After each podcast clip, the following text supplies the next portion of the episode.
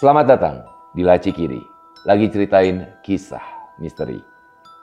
Apakah Anda pernah mendengar mengenai pantangan menggunakan baju berwarna hijau di saat berkunjung ke pantai-pantai yang berada di pesisir selatan Jawa? Di mana memang para pengunjung tidak diperbolehkan untuk menggunakan pakaian berwarna hijau supaya terhindar dari musibah. Dikarenakan warna hijau tersebut disebut sebagai warna kesukaan dari Nyi Roro Kidul, sang penguasa pantai selatan. Berikut cerita dari Mariati yang sudah dikirimkan melalui email ke kontak.nikooliver@gmail.com tentang pengalamannya yang berhubungan dengan pakaian warna hijau di pantai Pelabuhan Ratu.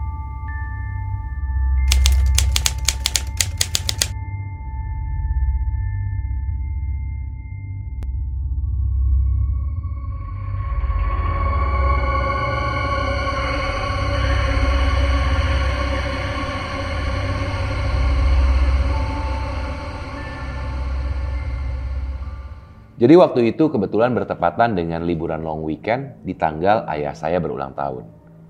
Mengingat usianya yang sudah mulai sepuh, kami sekeluarga pun sepakat untuk berlibur bersama ke Pelabuhan Ratu untuk merayakan ulang tahun ayah saya. Sebelum berangkat, memang saya sudah diwanti-wanti oleh tetangga saya untuk tidak membawa pakaian berwarna hijau. Karena bagaimanapun Pelabuhan Ratu sudah masuk dalam wilayah pesisir selatan Pulau Jawa di mana diyakini dikuasai oleh Nyi Roro Kidul, yang konon menyukai pakaian yang berwarna hijau.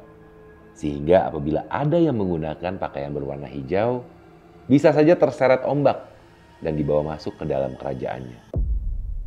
Meskipun saya sebenarnya tidak mempercayai hal tersebut, tapi dalam rangka mempersingkat waktu dan menghargai tetangga, saya iakan saja. Dan tibalah waktunya untuk kami sekeluarga berangkat membawa baju seadanya karena tujuannya memang hanya berlibur dan merayakan ulang tahun ayah di Pelabuhan Ratu. Setibanya di sana, kami pun menginap di salah satu kawasan penginapan yang berbatasan langsung dengan laut dan memiliki area pantai untuk bermain.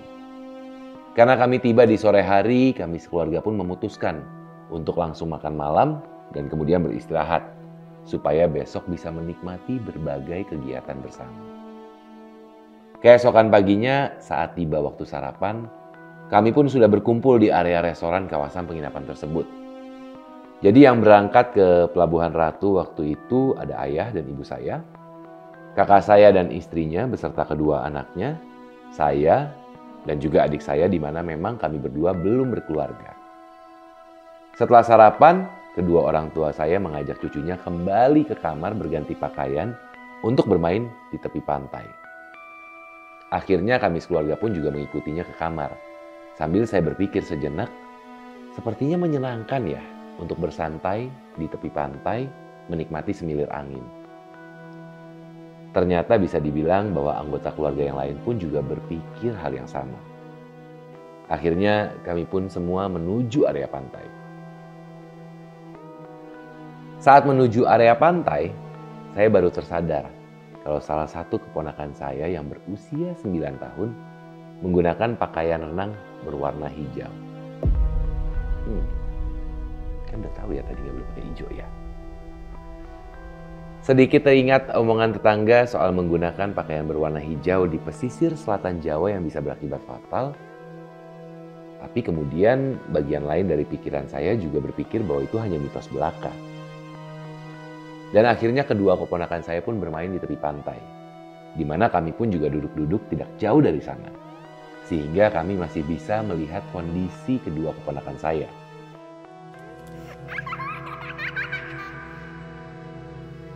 Saat bercanda dengan anggota keluarga yang lain, tiba-tiba terdengar teriakan dari suara yang kami kenali.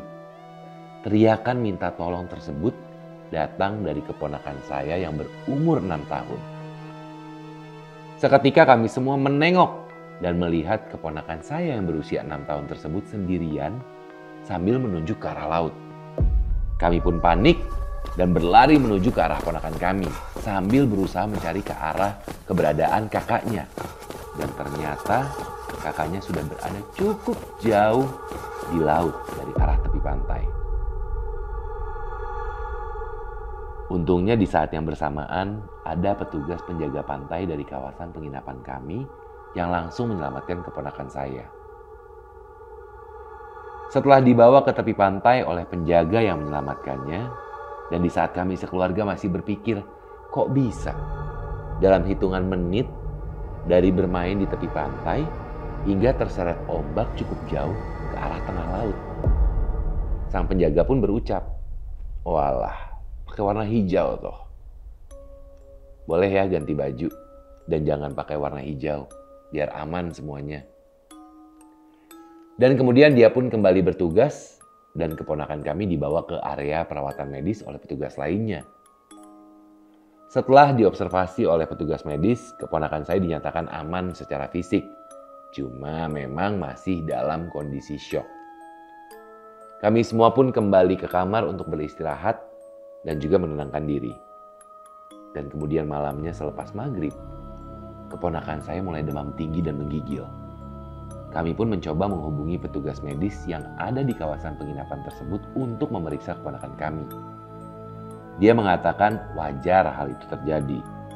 Mungkin juga karena efek shock atas kejadian yang dialami, atau bisa juga karena terlalu banyak menelan air laut.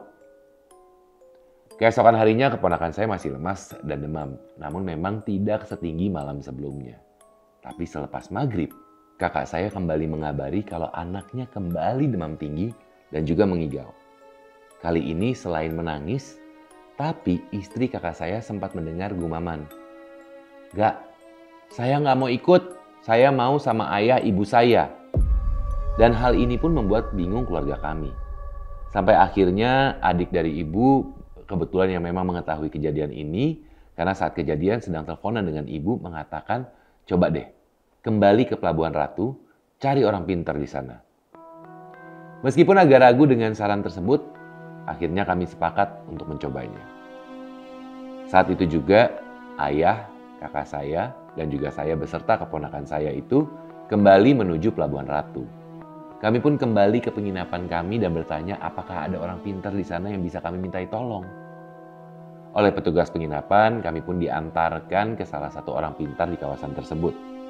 Dan di sana, orang pintar tersebut membacakan sesuatu dan juga mengatakan bahwa lain kali hindari pakaian berwarna hijau kalau bermain ke Pelabuhan Ratu.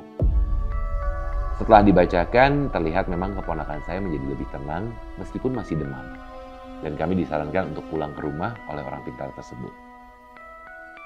Sekembalinya ke rumah, kami semua pun beristirahat dan keesokan harinya keponakan saya sudah kembali ceria. Bahkan seperti tidak pernah sakit sebelumnya. Kami sekeluarga pun tenang. Seminggu kemudian, iseng saya bertanya kepada ponakan saya, apa sih sebenarnya yang terjadi di tepi pantai? Kok bisa sampai dia terseret ombak?